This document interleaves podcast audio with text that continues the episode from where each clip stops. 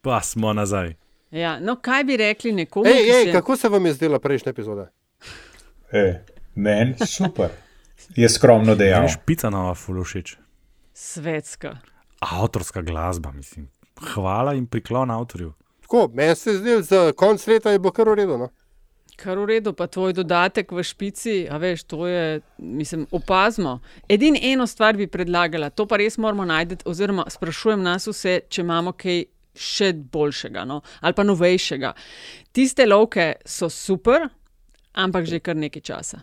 To moramo najti. Kratka, gospa Bratušek, prosim, če se izpostavite s kakšno novo sočno izjavo v bližnji prihodnosti. Zdaj mi pa povejte, kaj bi nekomu, ki se je malo sprostil čez praznike, rekli, da se je v zadnjih dveh, treh tednih zgodilo, kar nismo snemali, recimo, da redne epizode in rednih vsebin.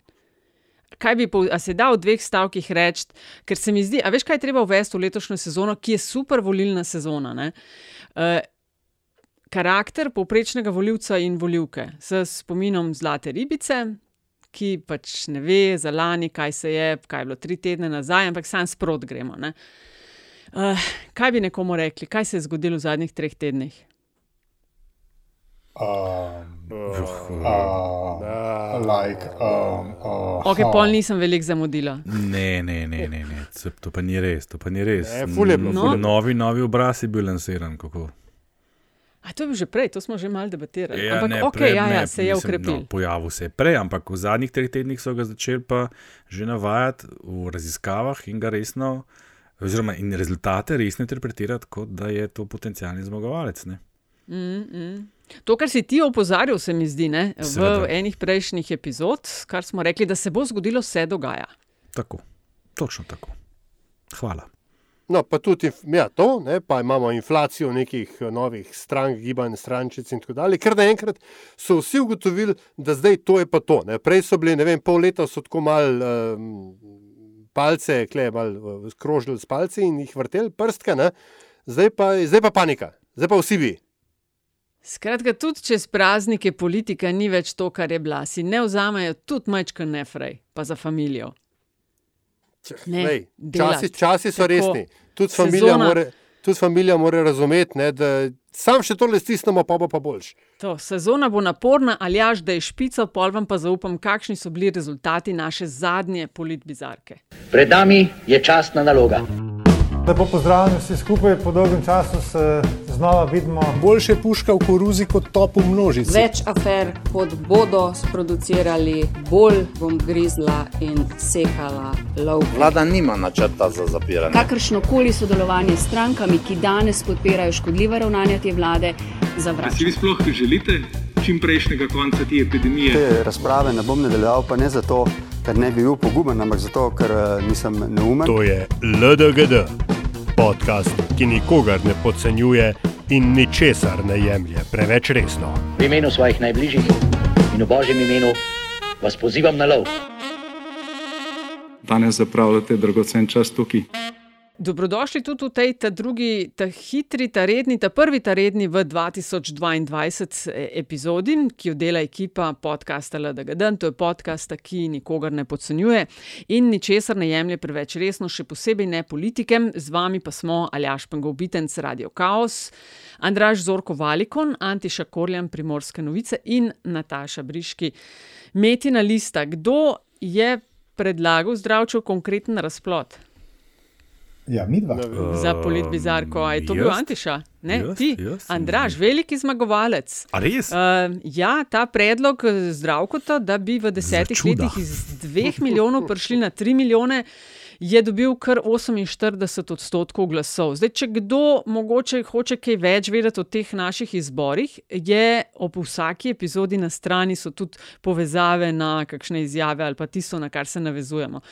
Uh, sicer je bil pa Olaj, ki je zaradi tvita tožil Gantarja na drugem mestu, 36, uh, SAP in Air Slovenija, 12 odstotkov, torej SAP s predlogom, ka, uh, da ko bodo volitve, po volitvah bodo ustanovili slovensko letalsko družbo. Ne? Medtem ko Antiša, tvoj predlog, eh, ko Dimitri Rupel, nekdani zunani minister, danes pa šef Jaka, v tretji osebi odgovarja uh, Tinetu Hribarju, pa 4 odstotke. To so bili torej rezultati politbizarke, drugi izbor decembra. Opro, Um, glej, spet ja, je povej. očitno, ne, da je fuk premagal resne teme. Ja, sej. Ne, Uh, evo, pardon, delo, delo, bi rekel. Um, in kaj imamo zdaj v paketu, Aljaš? V tej epizodi smo rekli, eh, odgovarjamo na vprašanja poslušalstva in se hkrati dotaknemo aktualnih tem, mogoče ravno tista, ki ste jo um, v začetku omenili, namreč. Uh, Zasledovanje goloba in reakcije na vse te, uh, na bodi spremembo, in kdo je komu fauš, in kdo bi se s kom um, sestavljal, kdo bi šel samostojno na volitve, in ne to verjetno je kar, kar zrelo za kakšno uh, obdelavo. In mogoče lahko tukaj, če se strinjate, takoj prvo vprašanje dam, ki je pravzaprav zadnje, ki je prišlo na naš naslov. In sicer je Gre- Grega na Twitterju rekel, če lahko pomagamo razjasniti to neko interpretacijo. Citiral je ali je screenshot dal enega članka, kjer piše, pojem novih obrazov je nasplošno napačno uporabljen, uh, da so vsi že znani zaradi dela na drugih področjih. Kaj vi razumete pod, ali pa kaj bi mogli razumeti pod novi obrazi? Andraš, kaj, kaj v vaših raziskavah date pod nov obraz? Uh, to je ful dobro vprašanje. Um, sem pa že pred kratkim hotel, ja, da bi mogoče poskušal sploh definirati, kaj to pomeni, sploh zdaj, ko imamo že v bistvu nove, nove obraze. Zdaj, jaz osebno razumem novi obraz kot uh, stranko, ki nastane okrog ene osebnosti. Ta uh, osebnost seveda ni nova, ne? nihče ni se včeraj priselil v Slovenijo pa, pa, pa kandidiral na volitvah. Seveda so to znani ljudje. Znan je bil Jankovič odprej, znan je bil tudi Miro Cerar že odprej, tudi Marjana Šarca smo poznali. Nihče od njih ni nov v smislu, da ga ne bi poznali. Ni bil pa v, vsaj ne na državnem političnem eh, področju, znan oziroma prisoten kot obraz. To je to nov obraz v politiki, ampak jaz striktno ločem med novimi obrazi in med novimi strankami.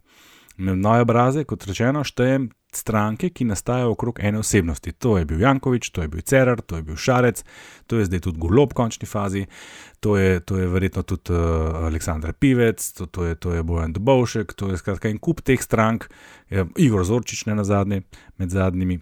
Um, za razliko od recimo Levice, takrat če kot Združena levica, zdaj levica, ali pa novo ustanovljene stranke Vesna. To pa niso za me nove obrazi, to so pa stranke, nove stranke, ki, ki nastajajo pač tako, kot bi stranke, po mojem mnenju, morale nastajati, ne od spodaj na vzgor. Zdaj pa verjetno res lahko govorimo že tudi o novih, novih obrazih, še posebej, ker sem zadnjič nekje zasledil, da se tudi neki stari obrazi vračajo. Uh, ne vem, koliko je to govorica, koliko je res, da ne bi se tam okoli Zorčiča zbujale stare sile uh, iz LDS bazena, uh, omenjali se Anderliča in tako naprej, da ne bi se neki poskušali tam združiti skupaj. Ja, niste slišali za to.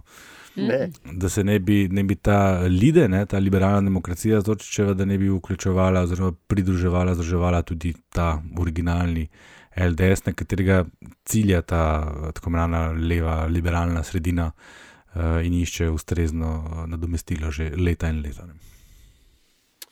Ma, lej, a, veš kaj, mogoče je ta izraz novi obrazi postal večkrat pejorativen, ne? ker a, nekako on je nastal v času, ko je bila Slovenija vendarle ujeta v nekem političnem fluksu, ko je pač LDS razpadala pri živem telesu, potem pojavile so se nove stranke, ki so imele stare obraze, potem so se pojavile nove stranke, ki so imele Mečkam nove obraze, potem so bile stare stranke, ki so imele nove obraze, ne, kot že glih omenil LDS in Katarino Kresal. Recimo, uh, in, in v bistvu ne vem, če to dan danes sploh še karkoli pomeni. Ker veš, kaj se je pa zgodilo v zadnjih desetih letih z uh, nečastnima izjemama Boruta Pahorja in Jana Zajanše, se je kompletni slovenski politični razred v resnici zamenil.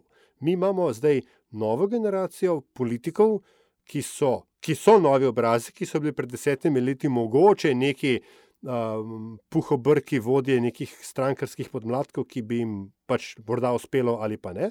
Od Mateja Tunina do, če hočeš, Marko Koprivca, SD-ju, pa tale uh, Jani, kaj, prednik, prodnik na, na uh, tudi pa SD-ju. Jure Ferjan je nova vzhajajoča zvezda SDS-a. Skratka, veš, ti, uh, en kup novih obrazov je in v novih, in v starih strankah, in mogoče moramo mi kle terminologijo v resnici menjati. No. Ampak zdaj se je ta prijela, ne? zdaj jaz mislim, da tukaj uh, se lahko še tako trudimo v medijih, tudi in tako naprej, ma, mislim, da ne bo uh, obrodilo sadu. Ne? Jaz mislim, da je ta, da je ta uh, termin uveljavljen, je se je prijel in zdaj je sem pač ne. Uh, vprašanje, če ga bomo uspeli zriniti, ne? ne glede na vse pomenske diference, na kire si upozoril ali aš. Ampak, Antiša, koga ti razumeš? No? Če, kaj ti reče, kaj ti nekdo reče, Ja. nov obraz? Kdo je za te nov obraz? Uh, zame, zame Se ni recimo- treba poimensko, ja. ampak tako. Ne, ne, jaz, mislim, jaz, če bi zdaj uh, prišel uh, Bojan Križaj v politiko na čelo ene stranke in si obetal, da bo postal predsednik vlade, bi bil Bojan Križaj novi obraz. Pa seveda vemo naše blondno veselje, daleč od tega, daleč od tega da je novi obraz. Hočem povedati, da je ključno za to, da nekdo obvelja za novi obraz, je kontekst, v katerem se pojavi. Ne? Mislim, da je to tudi Andraš prej uh, nekako tako definiral. Ne? Se pravi, nekdo, ki se na političnem parketu pojavi, ne? iz enih drugih kontekstov, pa je v teh drugih kontekstih lahko še tako, še tako znan. Sej, veste, Zoran Jankovič, ne, večkrat ga omenimo v tem kontekstu, je bil vse prej kot novi obraz. Vsak, ki je kdajkoli uh, bi rekel, kupoval v ta velikih merkatorjih, mu je Zoran Jankovič kdaj voziček podal ali pa iz rok vzel. Ne? Se pravi, bil, ni bil nov obraz. Ne? Pa v politiki je zafunkcioniral kot nov obraz. Uh, se pravi, po mojem, Nataša, odgovor, moj odgovor na tvoje vprašanje je bistveni kontekst. Kontekst je politika mm -hmm. in ne, nekdo, ki se pojavi v politiki, je nov obraz. Veš, kaj bi jaz k temu dodala? Da jaz bi za nov obraz razumela nekoga, ki ga nacion na nacionalnem političnem parketu še nisem videla. Zdaj pa, če je to bil poslanec, za katerega nisem slišala, pa se potem, ne vem, kandidira za predsednika države, je za me to nov obraz. Ne? Uh, nekdo, ki ga prej nisem videvala v medijih kot enega od uh, recimo vidnejših predstavnikov neke stranke, zdaj pa je, zaradi tako, kot praviš, antiša konteksta, to je za me nov obraz. Recimo Golob, pa je bil podpredsednik uh, pozitivne Slovenije, ne? ga nismo na tak način videli v visoki politiki. Se še zdaj ne vemo, ali ga bomo videli ali ne, ne? ampak meni on je nov obraz. Recimo. Mislim, on je Vse. sigurno bolj nov obraz, kot je bil nov obraz Šarec ali pa Jankovič, ki sta bila oba župana že prej. ne? Ja, to je res, ampak spet nacionalna politika, to je ta lokal Tako. nivo. Ne? Prej bili če tudi že tri mandate župan Kočevja, zelo izpostavljen, tudi precej uspešen, ampak ko bo šel na nacionalni nivo, bo to nov obraz. Če bo Tako, šel na na državni, na bo državni ravni. tako. Tako. tako. No, Okej, na- hitro naslednja-. Pametni. Naslednja tema, ne, ki se, ki se nekako um, tudi navezuje na uh, aktualne dogodke, je koalicijska pogodba. Uh, Se je zgodilo, da je menda po nemarnosti ali pa pač po kvot nemarnosti v splošno javnost ušlo, ušlo pismo premijeja Janše koalicijskim poslancem, ki jih točno danes teden, ne, če to poslušate 7. januarja, vabi na uh, Brdo pri Kranju, kjer bo beseda tekla o predvsem pomembnih projektih, ki se lahko izvedejo do konca mandata.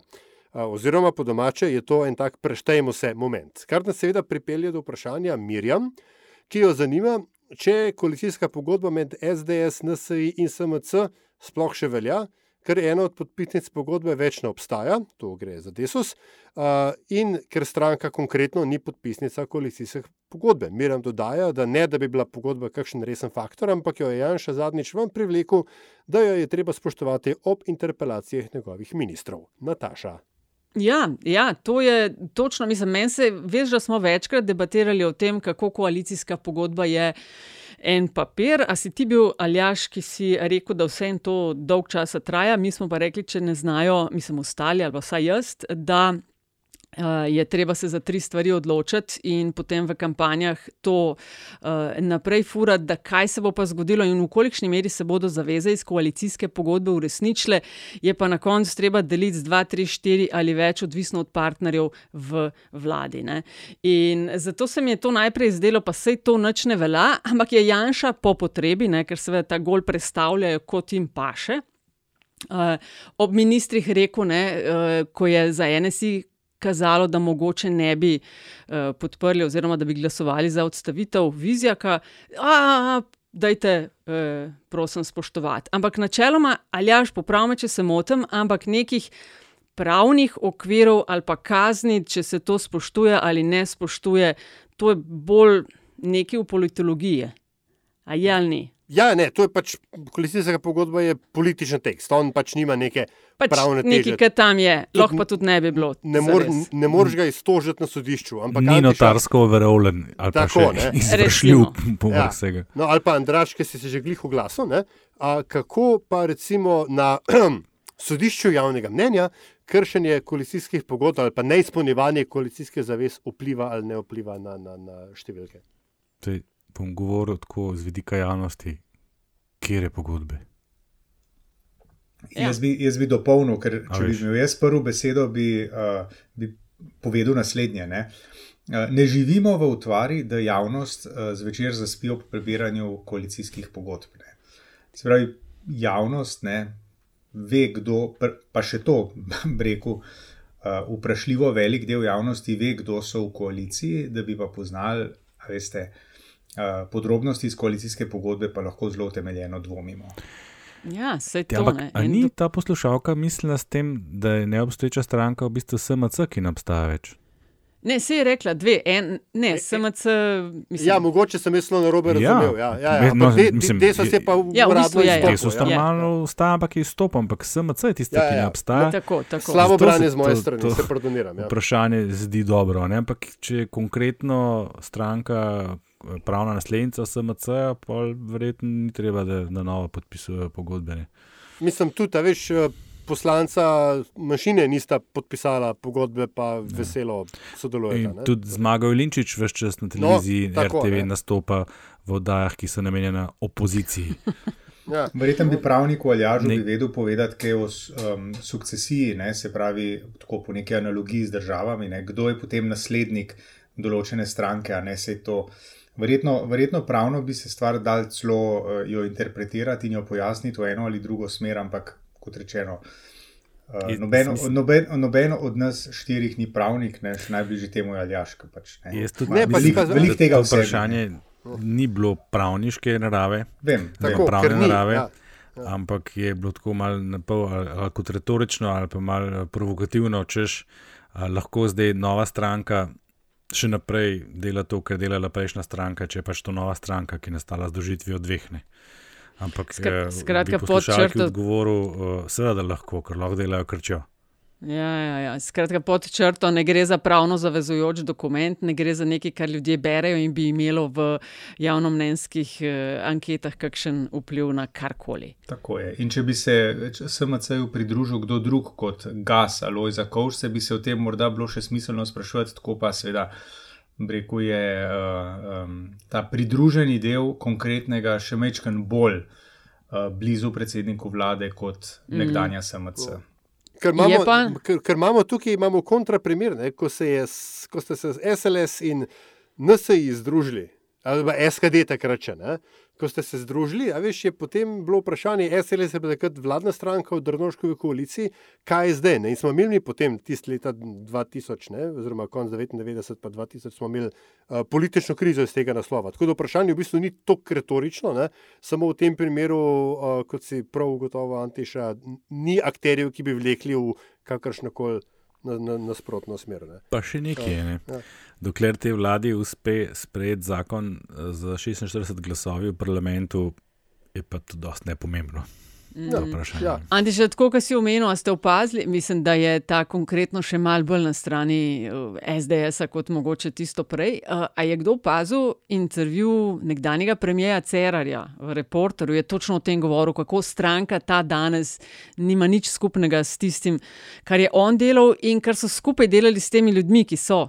Del te stranke. ne. Tako, kar, kar uh, je, se mi zdi, kar Orang kritiziral, ampak je tudi zaznati iz, iz njegovega izpovedanega, da mu je malo hudo, da bi na nek način rad bil zraven spet. Ja, sej, Ene volitve bodo, Sej bo kjer imel bi priliko, lahko bil. Ne? Ja, Ja, ja, vsaj ja. ene, lahko pa za župana kandidira, en, kol ne veš. Uh, Blani, poglej, poglej. Lepa. Ne? Sam to je bolj menedžerska funkcija. Ja, ne, kaj župan. odvisen, odvisen. On je profesor. Je Danico. Ja, vprašaš Danico Simčič, to ni nič menedžerska funkcija. Ja, sam se mi zdi, biti župan je tisti res eh, drevesa, kjer bojo šla ven, kje bomo cesto zgradili. Na biti premijer, vse en mal greš pol na. Pa Ja. Ja, se srečuješ zato se je pa Danica Simšič upisala v zgodovino županovanja v Ljubljani, kot se pač je. No. Ja, ja, ne, ne, itek. Ravno zaradi tega spomnim. Se da je ja. uh, Ne. vlada pod vodenjem Mira Cerarja precej uspešno postavila kar nekaj kilometrov ograje. To se mi zdi taka Mhm. Infrastrukturni lepa, projekti, evo, lepa ja. primera za, Ja. za Hočeš kvalifikacije, tehnična za, ovira. eh, kvalifikacije za gradbene posege v mestu. Ja. Čeprav, jaz bi, preden gremo naprej, bi jaz sam še prepomnil, ker se mi že ce- cel cel vala po glavi. Ne? O Antiša rekel si, da nihče ne hodi, ne gre spat in pred spanjem prebira pogodbe. Ne? Ampak to bi bila idealna stvar za, za zaspat. A Veš, mogoče bi pa premijer Janša lahko bral pogodbo, namesto da šteje ovce, preden gre spat. To tudi v roke ne bi rabo vzeti, to sam pogledaš naslov. Pa že Že smrčiš. Ja. Ja. No, ampak, Andraš, vi merite to razpoloženje različnih sort uh, med ljudmi. Ne? Ker je eno vprašanje je tudi, kako ljudem, ki jih politika ne zanima, kako jim te teme približati. To Monika sprašuje, kako jih aktivirati in premakniti iz kavča, motivirati, da grejo na mest na, vem, na en trening ali pa v City Park narediti nekaj družbeno aktivnega, eh, pa če tudi piše, je to obisk kostanjevega piknika v domači soseski. Zdaj, odstotki ljudi, ki pravijo, ne vem, ki se jim gabi politika, ki pravijo, da ne bodo šli uh, na volitve, ki pravijo, nimam koga voliti in podobno, je, mislim, da skos mal večji. Ne? A zaznavate, mislim, je to nekaj, kar zaznavate v anketah. Ne? Mislim, to se vidi, ja, pa to so trendi že zadnjih nekaj let. Ne. A hkrati sprašujete, mogoče kdaj tudi, kaj pa bi jim pomagali, da se premaknejo. Uh, ker se mi zdi, da tudi te igre, tudi ko mi to rečemo, to ko- ko- koalicijska pogodba, pa enkrat velja, pa ne velja, pa unije danes ta stranka, jutri una stranka, pa včeraj je bil, ne vem, levičar, jutri je desničar, da je tudi to nekaj, kar se ljudem gabi in jih pol odvrača od aktivnejšega sodelovanja. Kaj Jih, kaj, a jih tudi tako vsebinsko sprašujete, ne samo ne vem, za koga bi volili in podobno, da razložijo, kaj bi jih pa motivirali, da bi drugačne navade imeli ali pa drugačno obnašanje. V bistvu v Valikonu nismo delali raziskave z merjenjem političnih preferenc že od oktobra 2020. Nisem se zmotil, dejansko 2020, 2021 nismo naredili niti ene raziskave na to temo. Uh, smo jo pa naredili pred par dnevi, to je še čisto sveža stvar in uh, jo sam omenjam. Uh, mislim, da javno ne bomo nič objavljali, ker je bolj uh, naročniške narave. Bomo še videli. V glavnem, uh, jaz bi razdelil tle, skofurat to delam, segmentiram. Uh, populus v tri, uh, v grobem, tri, tri skupine. Ne? Imamo skupino ljudi, ki so pač aktivni državljani v smislu politične participacije, to pomeni, da se udeležujejo volitev. Uh, da se udeležujejo lokalnih volitev, referendumov in tako naprej, uh, teh že malo manj, ampak vseeno tle govorimo o neki polovici, recimo, da lahko vzamemo tisti odstotek iz zadnjih volitev 2018 kot uh, merilo velikosti tega segmenta. No, to so ljudje, ki pač tako ali pa drugače pridejo na volitve, tudi če včasih rečejo, ne vem, koga bi, ampak pol zberijo, ne vem, manj slabo od slabe, ali se pa tik pred zdajci odločajo. Mimo grede, več kot polovica ljudi se odloča o tem, koga bodo volili v zadnjem mesecu pred volitvami, toliko o tem, koliko so te napovedi, da je štiri mesece pred morebitnim datumom volitev, a ne ali až uh, Mhm. relevantne. Potem imamo pa eno skupino ljudi, ki pa se odločajo sprot, oziroma so tako, se morajo aktivirati, oziroma jih mora nekaj navesti k temu, ali se pa nasprotno deaktivirajo, če so zelo nezadovoljni. Temu smo priča vedno bolj zadnja leta. Uh, Temu smo bili priča 2018 na volitvah. Uh, to je ena, ena skupina ljudi, ki jo lahko pripelješ na volitve, če se zelo dotakneš uh, njihovih osebnih interesov, življenj, če jo zelo razkuraš, uh, če so zelo razkurjeni na čem drugim, pa grejo na volitve izraziti svoje nezadovoljstvo. Tak primer je bil referendum, ker je bilo kar nekaj takih voljivcev. In pri teh je pač ja, motivacija karkoli od tega, kar smo prej omenjali, se pravi, ali pa če se spomnimo referenduma. ne. Spomniti na to, kaj vse je na kocki, spomniti na to, česa, kaj vse je odvisno od, tega, od teh glasov, ki jih bodo dali ali pa ne bodo dali, kakšne so lahko posledice, to večkrat zapored ponoviti. Na drugi strani so pa zelo jasni demotivatori, so pa ti, uh, v smeri katerih se zelo trudi, predvsem vladajoča stranka s svojim načinom komuniciranja, predvsem na Twitterju. Ne? S tem uh, spodbujanjem teh delitev, uh, nestrpnosti, sovražnega govora, res nizke politične kulture, uh, katere posledica na koncu je, da ljudje zamahnejo, ker imajo vsega dosti in enostavno ali psihično ne zmorejo več tega gledati, poslušati, uh, ne zmorejo, nimajo energije, nimajo volje, so recimo prosto poljoši, uh, bagoli, uh, skurjeni od tega in pač ne, posledica tega je, briga me, ne grem se več. Um, tisti, ki rečejo, se ne vem, se nimam koga voliti, to, to niso ti. Mm. Te v resnici imajo neko opredelitev, so se zelo dobro videti pri naših uh, metodah, kjer tiste, ki rečejo, ne vem, ali pa nočem, ali pa ne želim. Pa dejte vse en, to je zelo pomembno, lahko vse en tam se jih pa kar veliko opredeli. Razli, mislim, ni nekih velikih razlik, glede na prvi poskus, ne skratka, razmerja so dosti podobna. Pa imamo pa eno, po mojem oceni, tretjino, na okroglo rečeno, populacijo, ki pa enostavno res, mislim, da ne rečem, jim dol visijane. To je, pa, to je pa pač en del populacije, ki pa nam še nikoli pripravlja do tega, da bo šli olki. To enostavno ne zanima. In si pa lahko predstavljamo tudi, ne vem, aktualna tema ljudi, ki, se, ki zavračajo cepljenje, kako jih prepričati, ja, če, jih, če ga zavračajo in če nima vsaj mal dvoma v to, ali bi se en ja ali ne, jih pač ne boš prepričal. Ne. In to ni samo slovenska posebnost. Ali pa ne vem, imaš ljudi, celo recimo, eni so blazni navdušenci nad športom, spremljajo, kaj pa vem, nogomet, oboževalci, kakšnih nogometašov, recimo, vejo vse v njih, ali pa kaj drugega. Drugih pa to pač ne zanima. Ne? Zdaj se pa lahko vprašaš, ne? kako pa ti zdaj enega pripričal, ki ga futbol absolutno ne zanima, da ga bo to začelo zanimati. Ja, pač ne boš ga ne. Anti, če imaš ti še kakšno idejo okrog tega, ti si na tem lokalnem prostoru malo bolj prisoten? Ma, jaz mislim, da smo tukaj pričajni, uh, kako se reče, spirali navzdol. Zato, ker, uh, zato, ker uh, zato, da bi bilo v tej politiki, ki uh, poslušalka Monika sprašuje o njej, kako ljudi uh, zaintrigira, da grejo vanjo. Um, uh, se ljudje temu izogibajo, se tem smo že večkrat govorili v tem krogu. Ne? Se ljudje preprosto izogibajo, ker se vprašajo, zakaj bi za ta negotovi izid ne, uh, zastavil svoj dobro ime, zakaj bi svoj duševni mir uh, in tudi siceršnji mir zastavil. Ne? In potem gre noter v politiko, grejo v veliki, veliki, veliki meri ljudje, ki pač uh, drugega započeti nimajo. In uh, spirala je izrazita navzdol, navzdol, navzdol, in rezultat je pa tako, kot ga je zdaj opisal tudi Andraš. Ne, ja, ja, sam ja, en sej. moment, veš, zdaj le je en tak moment, ko se stvari zelo lomijo. Ne. Prej ste že sami omenjali, uh, uh, oziroma Ljaš se mi zdi, da bi izpostavil to, ne, da, je, da se je zamenjala kompletna garnitura, praktično, da imamo v bistvu v resnici en kup novih obrazov politike, da smo imeli menjavo generacije in da ta še teče. Eh, in poleg tega je ta epidemija naredila svoje, referendum je bil zelo pomemben moment, le tle se dogaja. Ja, Andraš, ampak velik moment. Da vsaj, tem, uh, vsaj v tem uh, bolj toksičnem, da uporabim ta izraz, ki bi ga mogoče bilo dobro počasi izriniti iz uporabe, ne, um, ta bolj um, ta strupen del slovenske politike lahko pridejo še toliko novi ljudje. Veš, kaj je problem? Ne? Problem je v tem, da so oni še bolj nesramni so še bolj popadljivi, so še bolj brez, uh, brez kakršnih koli moralnih zadržkov, kako nasprotnika uh, očrniti in ga potovč dol v poden ali pa pod zemljo. Ne?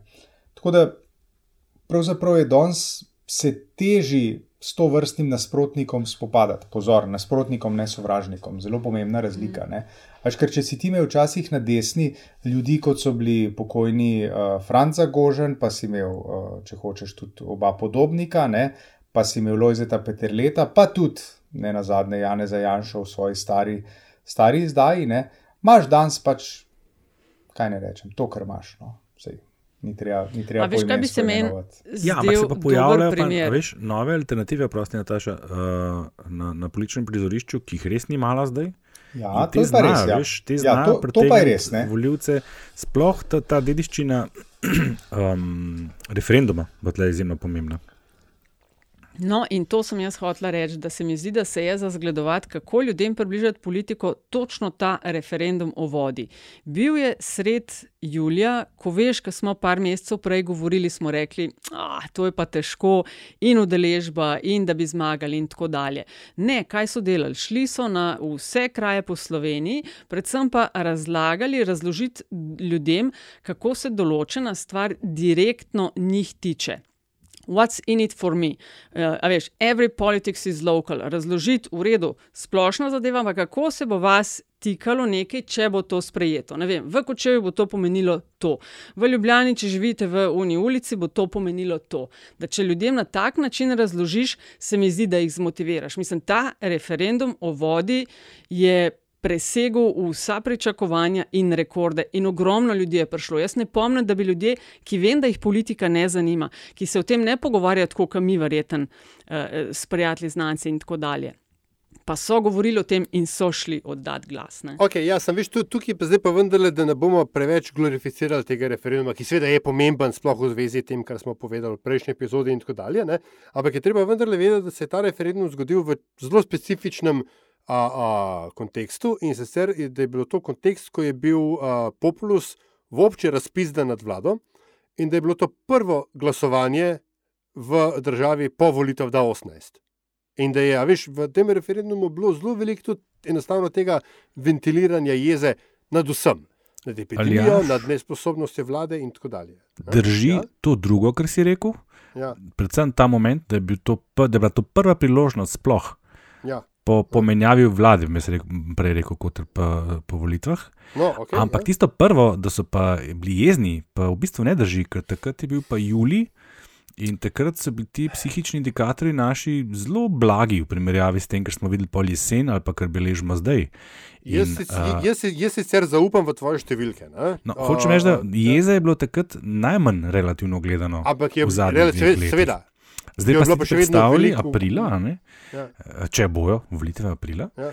Uh, pa, pa v to najbrž ne bo čistko. Ne? Zdaj se ta nov val dviguje in ne vemo, sicer noben ne ve, kako se bo to le končalo, ne? ampak mislim, da se zdaj res to že tako dolgo vleče in da vsak ukrep in vsaka stvar, ki pride ven, še dodatno priliva na ogenj. ne. In, in bo po mojem, pa zdaj pa res ta jeza še toliko večja, kot je bila. No, ne? in Tako tukaj da- potem pridemo do pač, nad, mojega nadaljevanja. Hotel sem reči, da je rahlo cinično. Ne?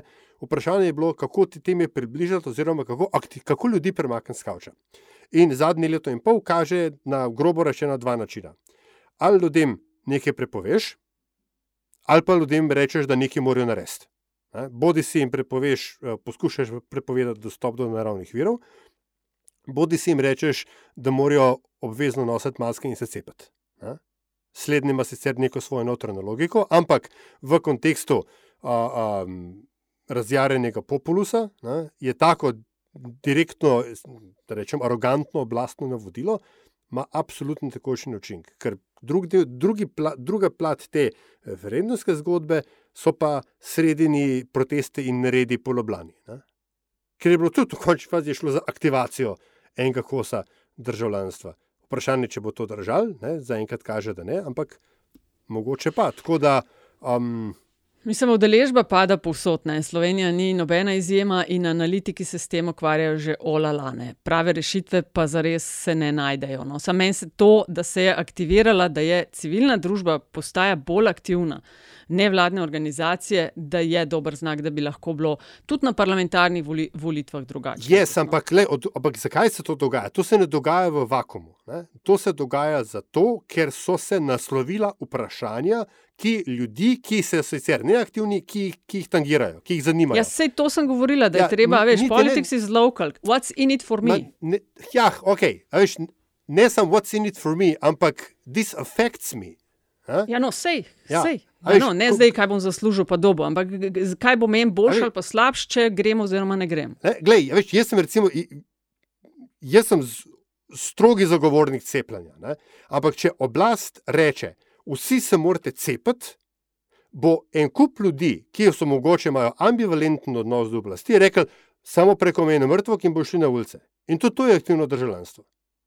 O, o, o, o tem govorim. Ne? Da, da se, uh, mi smo zdaj v situaciji in to, kar je Andraž že omenil, odpirajo se vprašanja, ki so doslej niso. In se, ko se iščejo ti odgovori, s tem se aktivira, uh, uh, aktivirajo dodatne, da rečem, državljanske sile. No, tako da tukaj se mi In zdi, da, da se. Da se To lahko, po mojem, gremo pa pred takoj na vprašanje, ki ga je Matjaš postavil, Antiša, um, pripravi se. Pripravljen sem. E, Matjaš pravi, da že dlje časa opaža, da se politika, tako koalicija kot opozicija, ukvarja samo s preteklostjo ali neposredno sedanjostjo, da nikjer pa ne vidi neke nove ideje vizionarstva. On pravi zase, da bo v tem megavolivnem letu občutljiv prav na to, se pravi na predloge, programe, sveže zamisli, ki bi naslovili težave, ki nas mogoče čakajo, ne mo- mogoče, ki nas čakajo pravzaprav po jutrišnjem. Podnebne spremembe, staranje prebivalstva, obdavčitev robotov navaja in tako dalje. Moje vprašanje je čist direkt, evo, na kaj ste vi sami pozorni, ko uh, se odločate? Koga recimo volt? Matjaš je rekel, da bo gledal, kdo bo za naprej kakšne vizionarske rešitve ponujal. Pa se mi zdi, uh, Matjaš, uh, da mi, no, oziroma Nataša, se si ti zastavlja vprašanje. Um, se mi zdi, da smo mi mečkan tukaj, um, uh, kako se reče, um, deprivilegirani, ne? ker vse čas to, kar se v politiki dogaja, opazujemo tudi kot rekel, ljudje, ki tako ali drugače od uh, opazovanja te politike živimo, ne? bodi si kot novinari, kot merilci političnega utripa in tako naprej. Ne? Uh, Sam kot voljivc sicer uh, se temu poskušam upreti. No, jaz moram reči, da kar hodim na volitve, sploh zadnja leta. Uh, in um, točno to počnem, ne? se pravi, opazujem in uh, spremljam in uh, uh, ocenjujem, kaj nekdo v uh, politično razpravo prinese novega, in potem, kaj, se pravi, kako se to novo ujema z mojo predstavo in mojimi pogledi na to, kakšna bi, kakšne bi morale biti smeri razvoja slovenskega naroda ne, uh, v prihodnje. Uh, tako da ravnam pravzaprav podobno kot bo ravnal poslušalec Matjaš.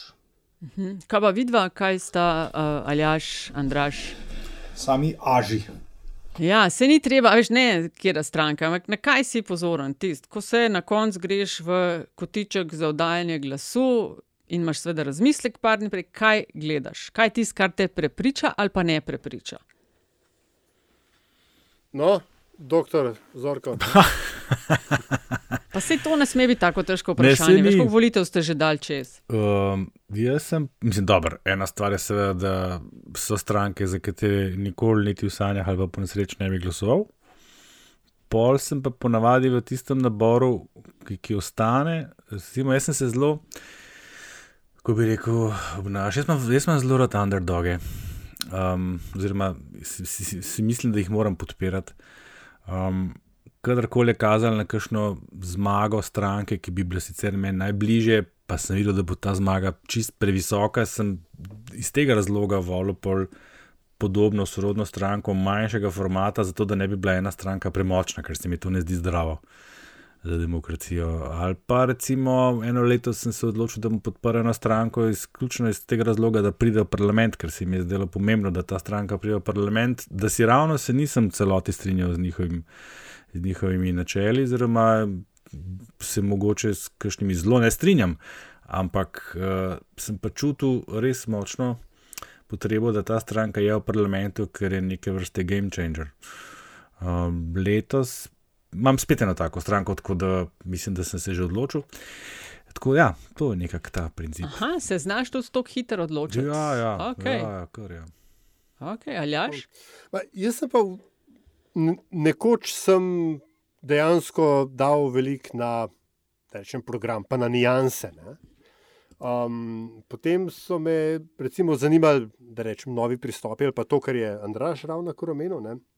Danes so mi standardi tako padli, da je osnovn, o- osnoven pogoj že to, da nekako vsaj v osnovi zagovarjajo pravno državo. Um, in da so, da recimo spadajo, da niso čist na skrajnem robu političnega spektra. Uh, in je tukaj že pač dovolj variacije. ne. Um, Tako da, glej, uh, v končni fazi je naj, po mojem, dve stvari sta naj, najslabša stvar, ki jo lahko narediš, je, da ne greš na volitve. Druga stvar, druga najslabša stvar, ki jo pa lahko narediš, je, po mojem, da taktično glasuješ. Ne? Zato, ker ti bo v končni fazi, ti, za oboje ti bo žal. Ne? In, in je, uh, če si ti kot voljivc pomirjen, pomirjen s svojo izbiro, ne glede na končni rezultat, je za moje pojme to največ, kar si, kar si lahko naredil. In zdaj, če, te, veš, če so ti blizu teme, kot so podnebne spremembe, staranje prebivalstva in obdavčitev robotov, potem by all means izberi stranko, ki se s tem ukvarja in ima stališča, ki so, ki so blizu tvojim. To, to je v bistvu vse, kar lahko rečem. Predvsem moš kot voljivc misliti na svoj duševni mir, ker nihče drug ne bo. Mm. Uh, v moji državi bi bile pa, me zanima, koliko se strinjate s tem, ampak volitve bi bile obvezne, udeležba bi bila obvezna. In za neudeležbo bi bili finančni penali, ne govorim zdaj o stotinah evrov, ampak o neki evrih že, kar mislim, da bi bilo popolnoma dovolj, da bi uh, dvignili uh, udeležbo, ker se mi zdi to res, res zelo pomembno in da so se v preteklosti, da se je veliko ljudi moglo zelo angažirati da mi to pravico danes imamo, in se mi zdi, tudi vzgojena sem bila tako, da uh, so volitve nekaj svetega in smo pri nas vedno šli. Uh, to je bilo običajno ob nedeljah, jaz to izkoristim vedno zdaj predčasne volitve. Uh, ko se odločam, pa tako kot je Andraš rekel, so ene stranke, za kire vem, da jih gotovo ne bom uh, nikoli volila. Uh, to so ponavadi uh, ekstremi na obeh straneh, če ostajamo pri levo in desno. In uh, zelo pozorna sem jaz na, eh, rada spremljam eh, kampanje oziroma soočenja, kako se znajo nositi, kako so retorično močni in predvsem tudi, kaj, a bo meni nerodno, ko me bodo zastopali na mednarodnem odru Slovenijo ali ne. Uh, skratka, te ambicije, koliko ambiciozni so tudi, ko gre za postavitev Slovenije na, na mednarodnem odru. In pa jasno, ja, seveda, vladavina prava in to, to sicer vsi govorijo, na koncu pa ne delajo vsi v tej smeri. No. Ampak tako, zelo pomembni so mi tudi ti social issues, pravica, vem, do splava, kakšno imajo stališče do manjšin in tako dalje. Ne. Hkrati pa, kako se znajo obnašati in, in uh, na mednarodnem odru nositi te stvari. Evo. Obvezne volitve bi podprli? Nikakor. Ne. Jaz tudi ne. Jaz tudi ne. Ja. Lahko pa se zamedamo na ta Zato si pa šefica, ne? Ja. Ja. Lahko prideš v Luksemburg, kjer so volitve obvezne. A ne, so, ne? Pa Belgija ima tudi, ne? Belgija, pa Grčija, mislim, da tudi. Par držav je res, ja, ampak zelo malo, ni jih veliko. Uh, ampak, gledaj, mi smo zdaj na nek način, ne, da se mečkaj izvijamo iz eh, kleča, v katerega nas je hotel ujeti modri azbec. Ne, smo tudi že odgovorili na uh, lastno profilacijo, ne, ideološko. Ampak če bi se, a, a ne, ne tako Ne, hiter ne, ta, ne tako ne hiter, tako ne. hiter. Ja, Ne, modri ne, jazbec, ne, ja, hotel se eh, je ven. modri jazbec je zelo vzel čas, je zelo dolgo pismo pohvale najprej, pol pa pik, pik, pik. Ne.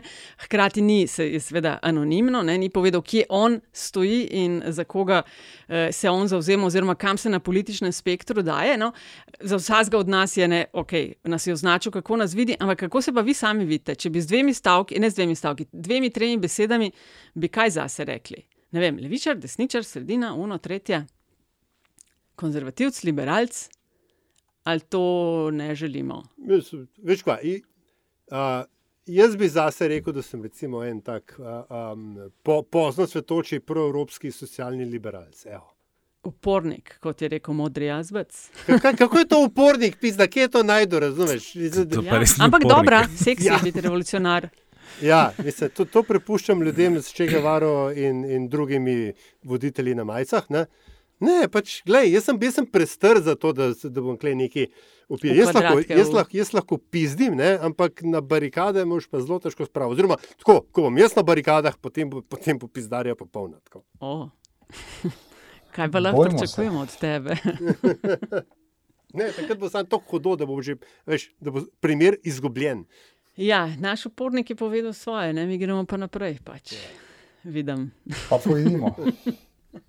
Ne, jaz se samo ne bi strinjal s tem, kar je v, zame v eni v tej karakterizaciji napisal uh, naš poslušalec uh, Modri Jazbec. Ne.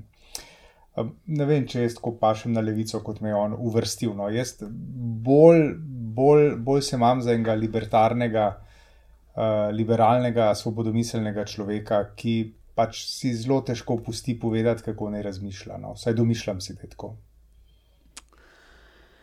In, Ja, in, manj, podobno, in, pod, ja. in podobno pustim drugim, da se razumemo. Ne? To se mi zdi zelo pomembno. Ne? Se pravi, ta, ta uh, live and let live uh, pristop se mi zdi zelo, zelo, uh, zelo pomemben. Ne? Kot tista, ne vem zdaj, komu jo pripisujejo, že sem pozabil zdaj v tem trenutku ime, da se globoko ne strinjam s tabo, ampak bom do smrti branil tralala, tralala. Ne? Mhm. To se mi zdi zelo pomembno, da ljudem pustimo svoj prav. Ne? Uh, in si tudi ne pustimo lastnega prav vzeti. Andraž je opisal kot verjetno najbolj politično sredinski. A si zadovoljen, Andraž, z opisom? Mislim, to ni neka stvar, s katero bi človek zadovoljen ali pa ne. ne. Ampak, Ja, vsi hoče biti sredina zdaj, ti si ta glavni. Ja. uh, ga, razumem, ga razumem, zakaj je to tako vid. Tudi, to se mi doskrat dogaja. Mm, Se spomnim v začetkih, ko sem prve komentarje začel dajati za medije. Sem še takrat sem zelo pozoren bil na to, kakšni so odzivi, pa sem bral komentarje in mi je bilo zelo všeč vedno, ker se je znal včasih pod istim zapisom pojaviti, kakšen, ki je rekel, pa pust tega levičarja, na drugi strani pa kakšen desničar je to. In to za isti zapis ali za isto izjavo. Tako da z tega vidika ga razumem in doskrat to zgleda, eh, kar pa še ne pomeni, da ne znam poseči zelo ven iz tega, to, kar sem že malo prej namignil. Pa bolj iz teh pragmatičnih, družbeno-pragmatičnih vzgibov. ne.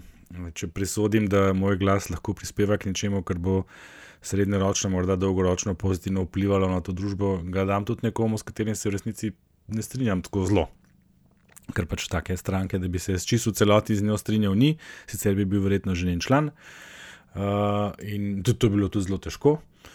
Um, razen tistih, ki sem rekel, da pač eni pa absolutno ne. Mm, Če kaj nisem, nisem konzervativen, saj domišljam si tako, prosto po antiši. Da te Uh, ni Svobodomiselen, kaj? Da te ni sram. ja, na, ja, no, sej. uh, nisem konzervativen, sem pa old fashioned. Uh, ne, mislim, svobodomiselen, absolutno. Ne. Ampak to, ta svobodomiselnost je lahko tako zelo presenetljiva včasih. No. Tak en hajder. Kakšna provokacija, bila to zdaj. Ja. Ne, tako pa ne. Se moram prav pomisliti, kaj je rekla. Kaj je že rekel Gravčo Marks za stranko, ki bi me vzela za svojega Ja, to bom jaz podpisal na e-mail. Da Nikoli ne bi hotel biti član kluba, Ja, ki bi biti, mene ja. vzel za člana. Tako je. Ja, ja. ja modri ja. jazbec je pa povej. Ja, kaj pa ti, ne, ti pa. Uh, Ja, močno ideološko post, ozadje. postpolitična ideološka teta iz ozadja. je Teta ne? iz ozadja bi, evo, če dve besedici, progresivna konzervativka, pa pa delaj s tem. Socialist with a gun. Socialist with a gun, evo, ta je lepa. Ta je lepa. Skratka, nekdo, ki bi uvedel obvezno um, voljenje, nekdo, ki bi uh, v vojsko nas vse poslal, tako kot v Izraelu. Ampak, pazi, uh, blizu mi je politična levica, piše. Tako da to mi je najboljš, kadar smo lahko mal, um, tako kot je Andraš rekel, ne, znamo presenetiti. Se mi zdi, da se nobenega od nas, vsaj jaz bi to tako rekla, ne da ukalupati. To, kar je Andraš, uh, Antiša govoril. Ja, to je Ne? res. Tist, a lahko imamo svoje mnenje, enkrat bo takšno, drugič drugačno. Pa smo, mislim, da tudi o tem govorili, da moramo enkrat obdelati, zdaj, kaj sploh je levica, desnica, kaj je levo, kaj je desno. Pa se enkrat smo že obdelali in ja. ugotovili, da je vse skupaj pač ena dost fluidna čorba. ne, Da, uh, ampak, uh, ker smo že glih pri tem, no, da, da, da bomo meškani aktualni. Tema politične sredine se je spet odprla. Ne? Po eni strani NSI uh, sama sebe uh, reklamira za politično sredino, um, očitno je to pač bilo zelo desno, se je politična sredina premaknila. Ta self-branding ne, je, je blazno popularen, konkretno hoče biti tudi politična sredina. Hkrati pa potem Žižek zadnjič pr, um, na nacionalki. Ne, Ja, um, pač Kseniji, ne, ugotavlja, da je politična sredina precejšen nategne in če smem pristaviti svoj lonček, tudi jaz sem nekaj podobnega rekel za, za, št- za 14 ur, ne, predarje, da so to pravljice. Ne. To, to siljenje v politično sredino, da je to, nekak, sa- da je to največja samoprevara, ki jo lahko politična stranka sama sebi naredi. Um, kaj si mislimo o tem siljenju v sredino? Mislim, to, to je samo izogibanje temu. Zdaj, kaj, to, to, ta levo-desna pri nas je čist prevrtiral že v, v štartu. Mi, mi imamo Vse smo že govorili, mi imamo v bistvu desno vlado, ki, ki je bolj leva, kot kjerkoli vlada doslej. Ampak tudi zato, ker imamo zelo zmešane pojme, kaj je levo, kaj je desno. In pol, zdaj, ko se je ta polarizacija še poglobila, ne, eh, sta obe, oba pola dobila neke, neke predznake, ki se jim zdaj hoče kar nekaj si ugibati. To je največji paradoks. Ne. Vsi, ki so prispevali k temu, da zdaj levo pa desno zgleda, kot je zgleda, eh, bi bili zdaj radi sredina, ne. ker je v bistvu velika neumnost. Ne. Ker jaz tudi trdim, tako kot še kdo drug, da pač politična sredina kot taka ne obstaja, ne. tam v centru ni nič. Ne. O, Če pa pogledam po, po nekih stališčih, kako se pa vedejo volivci iz, iz naših raziskav, ven, vam, vam tudi povem, da tisti nuli noter res ni nič, ampak zelo blizu sredine so pa potem stranke, kot so uh, SD 2.8 ali pa LMŠ 2.18 ali pa SMC 2.14, skratka stranke, ki imajo najvišjo podporo in na koncu zmagajo na volitvah. Ne. Moreš biti pa ti, ne vem, stranka s krščanskim, jasnim krščanskim predznakom, pa govori, da si sredina. Ne. Lahko si desno, levo od sredine, vse se ve, kaj je to. Ne. Zdaj pa govoriti po neki sredini, tle, to, pa, to je pa v bistvu bolj izražanje enega strahu pred tem, da se zavedaš, kaj v resnici si, pa to ne bi hotel biti. Vse ste vse povedali. Ja. No, pa, pa preberem, Antiša, kaj je naslednje vprašanje, ali bo Nataša izbrala, kje Ja, bomo. sedemka, čak, uh, a to, sedemka Ja, si mislil? Ja, pa štirko smo še pre, preskočili. Aha, ne? ja. Ja. Načo top, kaj LDGD poreče na mešetarjenje po nadzornem svetu, ala genij in pucanje prostora za sršena na ta način, da se skoraj da čez noč odreže TS odjemalcem elektriko in pravi, da bi bila njegova priprošnja, če bi LDGD lahko redno in temeljito pretresel rošade po državnih, paradržavnih nadzornih svetih, ki so po njegovem uh, skromnem razumevanju največji apetiti vsakokratnih oblastnikov. Ob tem sem hotela jaz reči, da mogoče to, da bi redno uh, presega ambicije tega podcasta, mogoče se pa motim. Sem- Ambicije ne, ampak zmožnosti pa gotovo. Zmo, no, ja. ja, to uh, mogoče. No, to Ampak Antiša, to načeloma je tvoje področje, ne, ne samo zato, ker pač je golob um, geografsko bolj vaš konc, ne, ampak tudi zato, ker imaš od nas štirih, se mi zdi, ti največ gospodarskega No. backgrounda. Ja, no, mislim, na, načeloma, recimo. No. Um, ne vem, kaj bi bilo vprašanje, ali jaš. Um, Ja, če boš pretresel za nas, pa delo pač te analize na dvotedenski ravni. A ne, to pa, to pa težko. Mislim, tega je, tega je zelo veliko, veste, te- to se non-stop dogaja. Ne? Mislim, tukaj je enih firm, tukaj enih firm, kjer se, kjer se stvari dogajajo, ki so pod vplivom države, nebroj. Ne? Na zadnje je bil tak primer, se mi zdi, zdaj le pred kratkim je bila menjava na vrhu Inter Evrope. Ne? In tako naprej, in tako naprej. Tega, tega je res ogromno. Ne? In mislim, da je tudi fokus, tudi fokus tega podcasta je, je nekje drugje, pri čemer ne, pa se načo topu uh, pridružujem, ne, da ta stvar nikakor ni izolirana politično, se pravi opazovanje dogajanja v politiki in je v veliki, v veliki meri povezano uh, z dogajanjem v gospodarstvu. Ne, če samo spomnim na uh, uh, zelo velik nakup uh, kemijskih svinčnikov za potrebe predsedovanja. Ne. Ampak dobro, se to je tudi mogoče res banalen primer, ampak hočem reči, ne, da te stvari so tako prepletene in včasih tako Mm. brezsramno prepletene, da, da pravzaprav kar grdo gledati. ne. Mislim, zgodbe, ki jih slišiš o tem, kaj so delali ljudje, ki so zdaj pomembni igravci v gospodarstvu ali v politiki, ne, ali pa ki so nekoč bili pomembni igravci v gospodarstvu, to, to je smešnica. Ne. Ko ugotoviš, da se od leta 46, 1946, ne, ko so na položaje dal, uh, dajali uh, zelo, uh, rekel, bojevite partizane, ne, uh, ni prav veliko spremenilo. Ne. Še zmeraj na položaje, na ključnih mestih se daje zelo bojevite partijske kadre. Ne. Sam, da se temu, Naše. ja, Naše. seveda, ne, ja, seveda, ne, sam, da se zdaj tem partijam reče politične stranke. Mnogo jih, mnogo, mnogo jih pa deluje po zelo bolševiš, bolševistično, bolševiško partijskem sistemu. Pa ne, Front re- pa ne front mislim samo na end je- levici, daleč od tega. Ja, ja. Front-end je drug, back-end pa isti. Dej, poglej, kakšne posledice je pustil nacizem v Avstriji in kako se to danes vidi, in zakaj je bilo pri nas kaj drugače.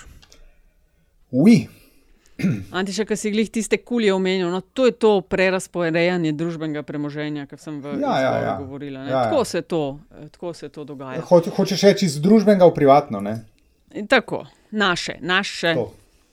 In smo seveda um, naprej, nazaj, kakorkoli številka sedem, Mitja sprašuje in izkorišča gužvo, da uh, sprašuje glede vpliva nove 24 TV na splošno javnost, delitev ljudi in povečevanje podpore stranki SDS. Ali ta strankarski medij lahko postane ameriški Fox News, oziroma najbrž obratno, ki bi učinkovito reproduciral voljivce SDS in ta nivo podpore dvignil na nad 50 odstotkov, ker po njegovih izkušnjah no, ljudje, ki gledajo Novo 24, nimajo prave predstave o realnem svetu, kar dodatno poglablja delitev v družbi. Uh, mi imamo seveda uh, strokovnjaka za ameriške medije, pa tudi strokovnjaka za Novo 24. Uh, da, uh, lahko kar prevzameta. Pa se zmeti, da izvoli. Ne, ne, ti, ti moraš začeti. Ne, jaz mislim, da je to, da je to čist predaleč in zelo, da je Fox News nekaj čist drugega. Uh, jaz mislim, da je uh, da se bom umešal v, v Natašino področje ekspertize. Uh, da Fox News je takrat prišel na zelo dobro pripravljen teren. Tam je dejansko obstajala ta potreba, tam je bila res ena velika množica ljudi, ki so želeli slišati take stvari in jih, ali pa mogoče reč, reč rekel, gledati. Uh, to ni bilo pri nas tako, a ne plus uh, tako, kot so se lotili Foxa, pa tako, kot so se lotili nove TV, to je, to je razlika par stolet. Uh, Tisti je bil res profesionalno splan, vemo, da človek, ki je Fox naredil, je uh, obvladal svoj posel.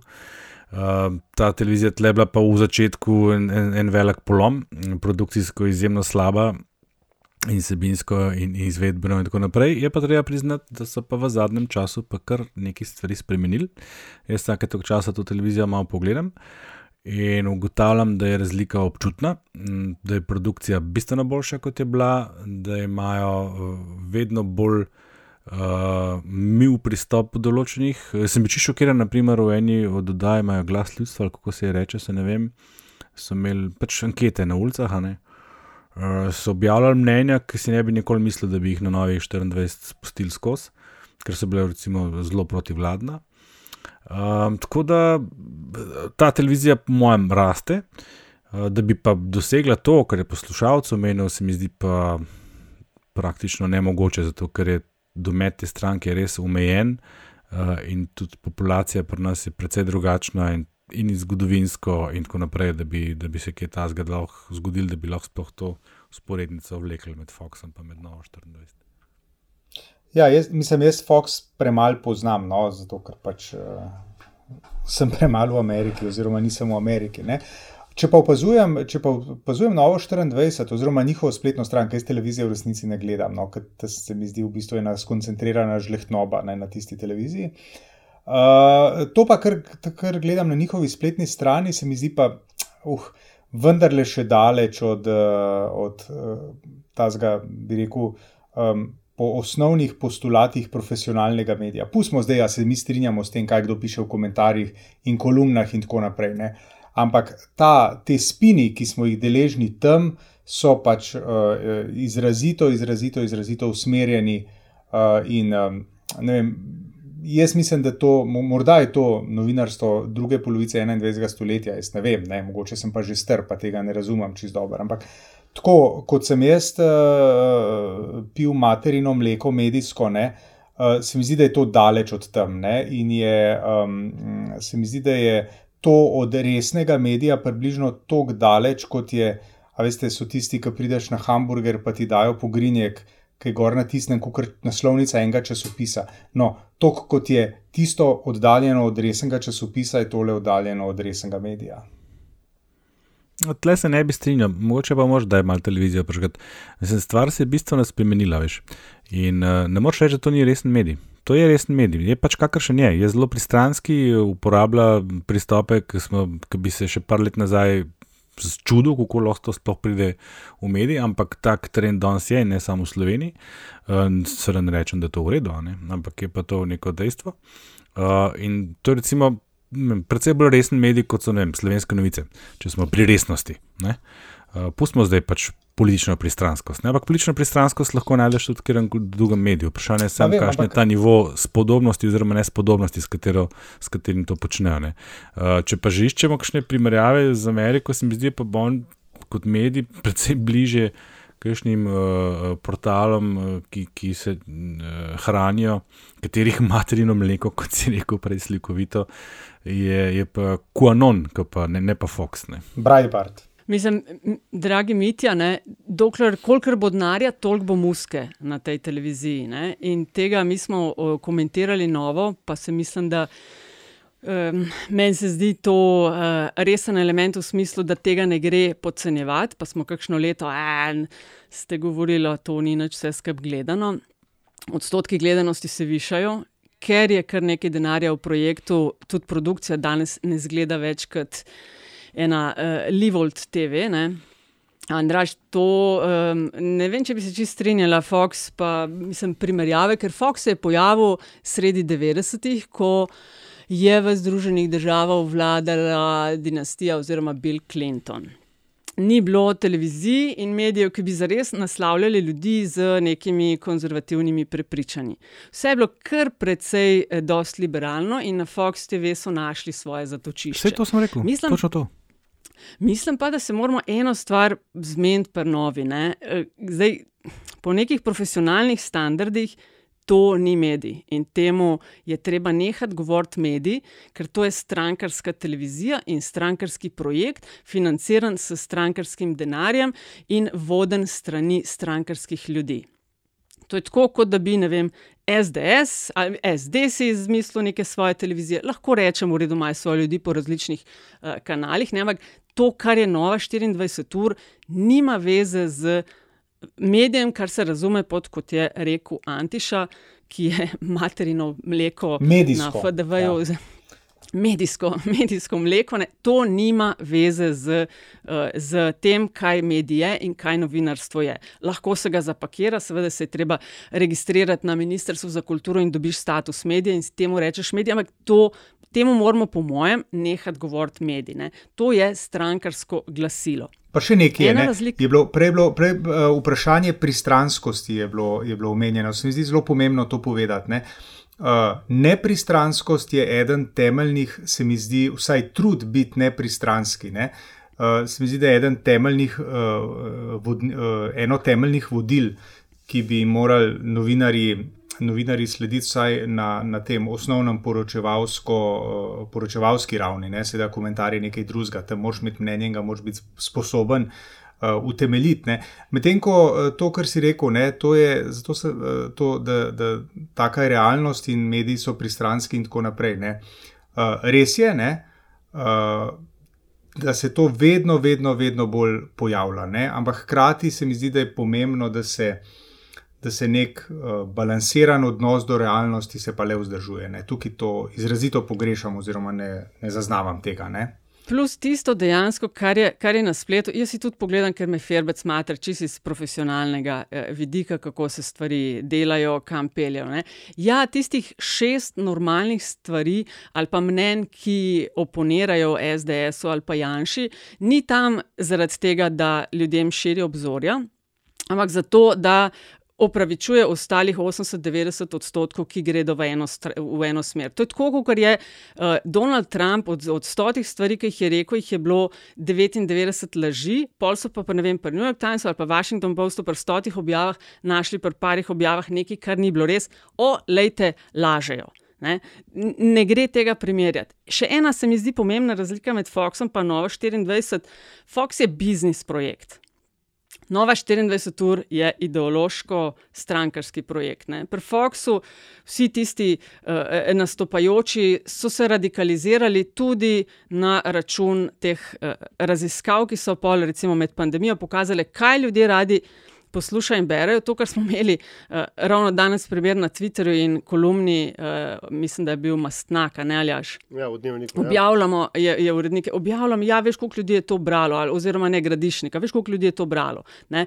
Skratka, branost pred tistim, uh, pred vsebino. In tako so se tam radikalizirali, ne vem, Ludobs, Tucker Carlson, Sean Hannity. Oni prodajajo, kar ljudje bi. Mi za novo 24 nismo še na tej stopni narekovaju razvoja, ker pri nas se gre na televiziji, tej televiziji ideološkega pranja glave. Mi smo pri domobrancih in partizanih, ne še pri tem, da imamo ljudem, kar radi poslušajo, berejo, gledajo. Ne. Vsaj ne pri tem projektu še. Ampak, eh, kolikor denarja, toliko bo muske. Ko bo denar usahnil, potem bo tudi. Ne bi pa podcenjevala tega projekta. Ampak to je strankarski projekt, to ni medij, to ni To je ključna ločnica, ne, to, kar si rekla. Ne. Fox je bil biznis projekt, ne. tam je bil eno samo gonilo, je bilo in to, kakšen bo profit na koncu leta. Ne. Točno Ne. to. Ta televizija je le pa še profit drugim ni glavna briga, ne. Jaz bi, jaz bi kle, sam, ker, če, ker ste že vse povedali, sam, sam to dodal. Pred Novi 24 mislim, da ni- niti ni tako pomembno, kaj ona dela. Ker, mislim, je pomembno, ampak ni pomembno v resnici, zato ker je nekje na repu gledanosti. Ne? Tega v resnici nihče ne gleda, tudi tisti, ki gledate, gledate to, zato ker pač ladi gledate bizarke. ne. Um, ampak uh, vprašanje je, kaj bo oblast in ljudje, ki so na pozicijah moči, ki dajo kritje Nove 24, naredili z ostalim trgom. Ne. Uh, jaz vem, da ima Andraš svoje relativno utemeljeno mnenje o haraču, ki ga uh, plačujejo kabelski operaterji PopTV-jo. Ampak uh, taki posegi na trg, kot so mm, ukinjanje, enostransko ukinjanje pogodb, ne, pa uh, premetavanje dol po, po spisku, z, se pravi, Seznamu. V, programski schemi, ne, hvala. Ja. Uh, a veš, to vrstni, to vrstni uh, um, prilagajanja trga, zato da ima Nova 24 nefer prednost. Ne, uh, to so stvari, ki lahko ostanejo tudi potem, ko, uh, ko ali če so oblast zamena. V končni fazi s tem se vzpostavlja precedens za morebitne druge to vrstne projekte. Ne? Ker kaj pa zdaj, a veš, ne vem, preprečuje XY novi stranki, ki se pojavi, da zažene svoj medij, reče, mi smo zdaj televizija, pride na oblast in reče Telekom, ti pa um pa 5 pa 7, vi morate pa vsi zdaj to leteti na prvo mesto na daljincu. To, To je samo problem, pomeni, da to, treba to je Telekom čim prej prodati. negativen efekt, ki Nove 24, ki ga jaz vidim na slovenski medijski prostor. Um, in zdaj smo pa že čist pri koncu, ker vidim sporočila na WhatsAppu, mi tu, Antiša. To je Andraš napisal. Ne zdržiš več. Na, na tvojo. Ja, no, to smo, vse smo, eh, smo v bistvu skoraj vse odgovorili. Zdaj, isto, ki je še rekel, da bi bilo fajn, če bi sistematično analizirali slovenske parlamentarne stranke, to bi se jaz vrnila k Načo Topu in, in, eh, njegovemu odgovoru, odgovoru na njegovo vprašanje, ne, da mogoče kapacitete. Eh, Ne, pa se smo začeli. Zakaj? Se smo začeli. Ampak se- ne, ja, saj smo ja. pred kratkim, kaj, dve epizodi nazaj smo Ne, on Levico. hoče, a veš, število članov, ja, budžet, to, ja, ja, dolg, ne. ideologija, program, kadri, ključni kadri, kakšna je pa volilna malo baza. Tako, ampak sej sproti po delčkih, pa v tem volilnem letu bomo gotovo še kaj, tudi to, kar je Katja rekla, kdo piše pravzaprav programe, pa kdo so te ideologi v ozadju. Uh, ja, nač pejmo na v bistvu to zadnjih 30, pa na polit bizarko. Uh, sam to še odgovorimo Leonu, ki je zelo lepo pismo napisal že pred časom. In je tudi investitor v naš uh, podcast. Uh, namreč zanima ga, kako um, opazuje, da smo toliko in toliko epizod nazaj uh, ene stvari govorili, ki pa se mu ne zdijo prav, ali pa kaj, kako delamo s tem, ko nekaj mesecev kasneje ugotovimo, da nismo imeli prav. A sem jaz to ali až na hitro v redu povzela, ker je bilo kar dolgo pismo uh, Leona iz Kranja. En konkreten Da bi primer bilo, navedel. Kako ne? mi svoje stališča ocenjujemo in razmišljanja iz tistega časa, iz lanskega, ne vem, marca, ko smo ene stvari govorili, pa dobro, ne vsi enako, ne? in kako zdaj en let kasneje gledamo na to. Mal ga je zmotil ta negativen obračun z javnim pismom 75 levih intelektualcev, pa to, da protesti, da so še preden se je vlada konstituirala, da to ni ok, in tako dalje. Lej, mislim, tle, A, do, a gledate za nazaj, ne vem, a, a vam je nerodno? zakaj? Ne, Kaj? veš, kako je s tem. Ne, sej. Kdor napoveduje, ta se tudi moti. Ne? To tako je. Zdaj, jaz nimam nobene težave s tem, da priznam zmoto. Mm, ko sem še hotel reči? Aha, gled, ti protesti, to mislim, da sem bil jaz tak, sem komentiral, da se mi ne zdi prav, da so še predno je vlada nastala. Ja, in mislim, jaz da še- sem se, še- jaz, jaz podobno. Pa ne vem, če si da bil sem- edini. Jaz ja. še vedno Ja. ja. ustrajam na tem, da, da se mi ne zdi v redu, pa ne samo zaradi tega, ker eh, z tega vidika, da nimajo legitimnosti, ker če že bi tam pričakoval, potem eh, takrat uh, šlo je za proteste proti novi vladi, predtem je bila ta ustanovljena, zaradi tega, ker sta Desus pa SMC najavila prestop na drugo stran, če se da, da osvežimo spomin. In takrat na ulicah niso bili voljivci Desusa pa SMC-ja. Zato sem jaz tako rekel. Če bi bili tam voljivci Desusa pa SMC, bi to razumel, bi bil to legitimen, uh, legitimno izražanje nestrinjanja s tem, da so oni volili neko stranko, ki je pred volitvami rekla nekaj, zdaj pa je naredila nekaj popolnoma drugega. Ampak tam niso bili voljivci Desusa pa SMC, tam so bili voljivci drugih strank, ki so tej vladi nasprotovali in ti ne moreš naprej nasprotovati vladi, ki še ni začela vladati. Mislim, če bomo šli, šli, šli tako, pa lahko kar nehamo, vse skupaj pogasnemo. ne. Ja, On in- sicer pravi, ne, da se mu je zdela ta ocena zgrešena, da ker tedaj ni šlo in še danes ne gre za proteste proti desni vladi, ampak za proteste proti vladi Janeza Janše, kar pa je bistvena in odločilna razlika. Konc citata. Ja, sej, mislim, ja, sej v redu, ne, ampak eh, mislim, da jaz razmišljam, pa mislim, da Andraš tudi ne. Da mogoče treba počakati, da nekdo naredi kakšno neumnost, pogreš pa lahko z vsemi, z vsemi sredstvi rekel, na proteste. Ne. Pa imaš A, legitimnost. Ne? Ja, seveda. Ne. Načeloma pa, veš, načeloma pa nekoga izključuje. Ne, tukaj smo pol pri unem vprašanju. Uh, uh, a, a boste šli v koalicijo po volitvah z Janšo ali ne boste šli? Ne? Demo kaj več pokazati kot to, s kom bomo šli v peskovnik. Ne. Plus, Ja, zdela se mi je to taktično slaba poteza, ker, se je, ker je zadeva. Kot zančka sem rekel, pri koaliciji kulne. Prehiter so jo strčali, razumeš, te pa energija splahnine. Razumeš, kaj mm. govorim? Ne? Tam so, tam so bili, ta prvi protesti so bili kar množični, če se spomnite, pa so se sprehajali od sedeža do ene, pa druge stranke, pa tako naprej. Ne? Ampak uh, jaz mislim, da je bilo to nastalo prezgodaj, da bi ta energija, potem, ko, ko so imeli pa res razlog za to, ko smo pa vsi videli, kam ta vlada uh, moli svoje prste, pa je bilo pa nekaj drugega, ne? pa takrat je bilo pa seveda že prepozno, pa verjetno je tudi del tega že zvodenil, res ne. Antiša, veš, tisto, kar si rekel, no, dajmo še kaj drugega, kar si zdaj omenil, pokazati. Viš, v, prvakinja je zdaj te dni rekla, naš skupni cilj mora biti, da premagamo Janeza Janšo. Meni se to tudi najče, se mi zdi najboljša uh, strategija, ker bi tudi želela kaj drugega še slišati, razen da imamo biti boljši od Janše. Ne, Mislim, to je v redu, da imamo biti boljši. Ne? To, to je čisto legitimno, da imamo biti boljši od njega. Ne? To je že korak naprej od tega, da imamo biti vse sam, da ni on. To se mi zdi pa mal premalo. Ampak, To, kar sem zadnjič rekel, ne. karkoli več od tega, ali si za ali proti Janši, bo napredek. Ker mislim, to, kar počne opozicija, ni nič drugega kot glorifikacija Janše. Ne? Na en tak neumen način.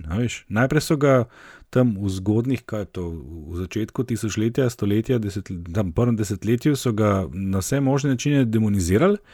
Potem je res iz njega, mislim, spomnimo se, mi imamo v Sloveniji tri umetnike, ki so se preimenovali v Janez Janša. Kje ste to še videli? Jaz sem zadnjič enkrat pred leti gledal dokumentarc o teh treh ljudeh in mi je postalo jasno, da sem rekel, zdaj se pa postavil v kožo, pa nočem ga zdaj prikazati kot žrtev. a? Janez Janše, kako se ti počutiš? Ja, pa je meni res cel svet proti tebi, vse so ga ustvarjali z vsemi temi dejanji, ustvarjali so ga, zdaj se pa borijo proti njemu. Zdaj pa glavna mantra, da si proti Janši, če nisi proti, si pa si pa z njim ali kaj. Ma, mislim, pejte nekam, ne. Ej, ful vama hvala in ful hvala nam, uh, mislim, poslušalcem in poslušalkam za vprašanja, ki so jih poslali, za zelo prijazne besede, ki so jih ob tem zapisali. Uh, vama in nam za odgovore, Antiša, Aljaš uh, in Andraž. Uh, Andraš. Ja. No, in to nas pol pripelje do Politbizark, prva runda v letu 2022. Um, Meni se je zdelo, da je mogoče manjša ali pa manj bogata bera bila čez praznike, ampak mogoče se pa motim. Uh, Andraš, kaj si ti izbral? Čez praznike, pa že nekoliko predtem, se je ena od strank zelo potrudila, oziroma zelo se je trudila prikazati uh, razlog za obstoj, za svoj obstoj, in je objavljala uh, razloge, zaradi katerih bi naj se voljivci v bodoče zopet odločili za to stranko. Najdete jih na Twitterju pod hashtagom. Pod hashtagom, uh, kako že pregled, ja, pregled, hashtag pregled. Um, ne bom seveda citiral vseh po vrsti, povedal bom te najbolj bizarno od vseh, namreč uh, gre za stranko LMŠ, ki se je v enem od teh tvitev pohvalila s tem, da so med drugim, se pravi, kaj, kaj so dobrega naredila ne, v tem času, je bilo to, da so znali prevzeti odgovornost in jim grede priznali, da so imeli poslanca, ki je ukradel sendvič in človeka, sekretarja, ki je hotel vplivati na na kadrovske menjave. Uh, zdaj, ko se tako veliko govori o kadrovskih menjavah, ki jih ta vlada izvaja in so res zelo runkelske in rokomahovske in tako naprej, in predvsej očitne, uh, naj sam spomnim, da LMŠ z bivšim sodelavcem SDS-a ni bila nič manj uh, robustna pri teh stvarih. Tako da, da ne bomo pozabili na te stvari. V glavnem, uh, nominiram hashtag pregled, uh, LMŠ-jevi dosežki, med njimi vrhunec, seveda, z, spomnimo na poslanca, ki je odstopil zaradi sendviča, spomnimo na klic generalnega sekretarja stranke, lepo, lepo da ste se še enkrat spomnili na ta svoja početja. Uh, ampak prav veliko uspeha in pa tole, po mojem, ne bo prenesel. Ne? Tako da to se mi zdi res bizarno. Okay, aljaš. Čakaj, sam mal, sam mal. Ja, Ne imaš? moram, O, sorry, ne sorry. moram, ne moram brez Ekskluzivno. omembe še enega. Ta sicer ni iz uh, te serije hashtag uh, uh, pregled, ampak podobno bizaren Marjan Šarec, ki je objavil post. Žena je hčerko posvarila, da bo imela cveke tako kot Ati, a punca je odgovorila, kaj, Ati je župan. Mogoče se je to v glavi Marjana Šarca slišal precej bolj, kot se bere. Uh, ok, paket, kombo, LMŠ, pregled. Ja. Ne, Izvoli, Jaz bom, tudi, jaz bom tudi nominiral uh, hashtag uh, in sicer uh, hashtag zdravkova zasebna sporočila. Uh, predsednik, konkretno zdravko počevalšek, ki bere uh, sporočila, ki uh, iz sporočila podpore in vprašanja podpore, ne, uh, ki mu jih domnevno pošiljajo uh, fani na njegov uh, device, so prav zabavno je, ne, ker me zanima, ali sa, vsaj sami sebi verjamejo, da sta Srečko in Erik res poslala sporočili zdravku. Uh, ali, ali, ker, ker po mojem, nišče drug tega pač ne verjame. Niti Srečko in Erik ne verjameta, da sta poslala sporočili zdravku. Ok, zdravkova zasebna sporočila. To rundo sem se spomnila, škoda, mislim, škoda, fajn, da je doživljen, da ima doživljenjsko prepoved, ampak hoj za rašidi v parlamentu, tista je bila tudi kar uh, lušna, ja, ja, bizarka. Ja. Ampak jaz pa zberem, veš, koga, Branko, pisatelj Branko Gradišnik v oddaji Politično pred dnevi, m, njegov eh, komentiral je. S sogovornico to super volivno leto in v letu COVID-a. Eh, Pisatelj, ki se je za potrebe oddaje odlično spoznal na virus cepljenja, čeprav o tem ne ve veliko, uh, glede na zapisano v kolumni, je to tudi dal jasno vedeti, da je pravzaprav za priseženi anticepilec, ki je pa pazil vse nas, ki nekako recimo, da zaupamo stroki znanosti, označil za hlapce. Ostale, ti, ki smo se cepili, smo torej hlapci, ostali pa tisti narodno buditelji, osamosvojitelji uh, in tako dalje. Pričemer je te svoje misli o osebni svobodi in pandemiji na koncu zabelo in skombiniral še s pravico do splava. Um, se mi zdi res bizaren nastop in ta uh, primerjava s hlapci, ki bi si, po mojem, že v živo zaslužil kakšno retorik klofuto, uh, tako da je najmanj, kar je, je da ga nominiram. Uh, in se ob tem sprašujem, Za kaj je s temi rojeni. tipi nad 70. ki Za so hlapce vzgojeni. Kar skuri izgleda. Ja, postar, postarali, postarali so se. Ne? Gospodar Ja, se menja, Antiša. a cepiva ostane. Sorry, nisem si mogel, da, sem, da ne bi citiral tega muzika. Hlapec. Ja. No, jaz bom, jaz bom uh, nominiral spor na umetniški desnici, če parafraziram nekaj, če mu se je reklo spor na umetniški levici ne, med prvo in drugo svetovno vojno. Namreč uh, Nova Slovenija je predlagala uvedbo v svojem vladnem programu ne, za prihodnje obdobje, uvedbo jamstvene scheme za najem kredita za prvo rešitev stanovanskega problema, v primeru, da pač z vsakim novim otrokom se ti odpiše del dolga. Ne? Zdaj, to je zelo v, uh, v duhu zdravka poživalška in njegovih uh, idej o treh milijonih. ne.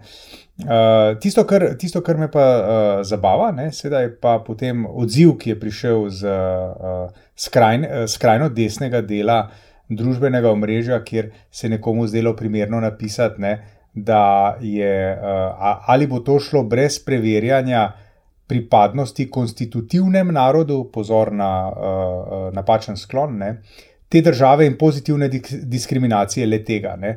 Se pravi, Dajmo se premakniti od uh, koncepta pripadnika naroda k konceptu državljana. Ne? Za A, začetek. pa, a, ti veš, a, a, a veš, kdo je ta, ki je Ah, to seveda vem. vprašal? Seveda Seveda, vem. vem. V redu, v redu. Ok, in tako smo končali tale uh, krok Polit Bizark. Uh, lahko boste glasovali na Twitterju in vnaprej hvala za vaše glasove. In smo pri zadnjih 30, to pa rubrika, v kateri ima vsak, recimo, da nekih 30 sekund, da kaj priporoči, pove, mm, ne vem, uh, kaj je gledal, dobrega, prebral in tako dalje. Andraš, izvoli. Wow, si me hotela dobiti, ne? Ha, ha, ha. Um, pripravljen. šparam ga že, odkar smo hoteli zadnjič snemati, in pol smo rekli, da ne bomo, in pol itak ne bi bilo, in zdaj lahko, sicer ga ne boste mogli več gledati na zamik, dokumentarc, namreč Moby Dog. Uh, jaz sem bil v enem obdobju kar velik uh, fan, še zdaj mi je všeč uh, glasba njegova, sem eden večjih ustvarjalcev, ampak me pa blazno presenetil v dokumentarcu, ker enega dela te njegove zgodbe nisem poznal.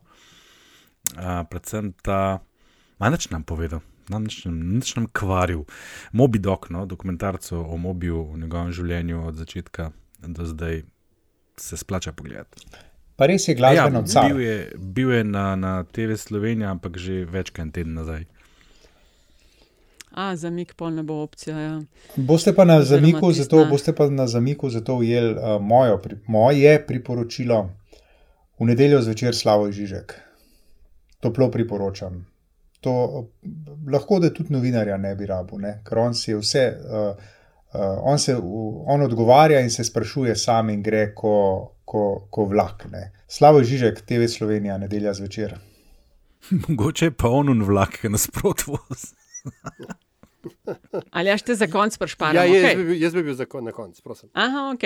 Um, jaz sem pa najprej mislila, da bi, in to še vedno sicer priporočam, ta film Don't Look Up, če ga še niste uh, pogledali, ampak sem se pol odločila vseeno za Call My Agent. Čez praznike sem pogledala to francosko serijo, komedijo na Netflixu, govori o agenciji, ki zastopa filmske zvezde. Krasni karakteri uh, z nastopi tudi siceršnjih zvezd, ki igrajo sami sebe, Monika Bellucci, Juliette Binoche, Jean Reno, Sigourney Weaver. Skratka, res, res fajn, uh, karakteri super izdelani, uh, blazno zabavno. Čakam še film, ki je na poti in peta sezona. Tako, vsake sezone je po šest uh, nadaljevank, štiri sezone doslej, super, super zabava. Kako si rekla naslov? Call my agent. Call my Na agent. Netflixu. Yes. Ko se sliši pa kul. Cool. Aljaš, izvoli. No, jaz bi pa, uh, jaz bi pa sam rekel, da se radi imejte, pa da objemte tiste, ki, ki so vam blizu, ker nikoli ne veste, nikoli ne veste kdaj je zadnjič. Jaz sem konc lanskega leta zvedel za nesrečen konc ene lepe zgodbe še iz študentskih časov. Uh, ni bil njegov čas, ampak zgodilo se je in, in uh, enostavno tako, sej ne da bi bil direktno involviran, pač poznali smo se, ampak vsem tem mečkim šokira in enostavno pač uživajte, ker res ne veste, kdaj, kdaj bo konc. In to je bil LDGD. Um, prva sveža redna epizoda v letu 2022, v letu um, super volivnem, ko nas aprila predvidoma čakajo parlamentarne volitve, pa potem v drugi polovici oktobra predsedniške in druga polovica, mislim, da novembra, še lokalne volitve, ki jih bomo, ekipa LDGD. Uh, z veseljem spremljala. Hvala za vprašanja, hvala za investicije in se slišmo spet k malu.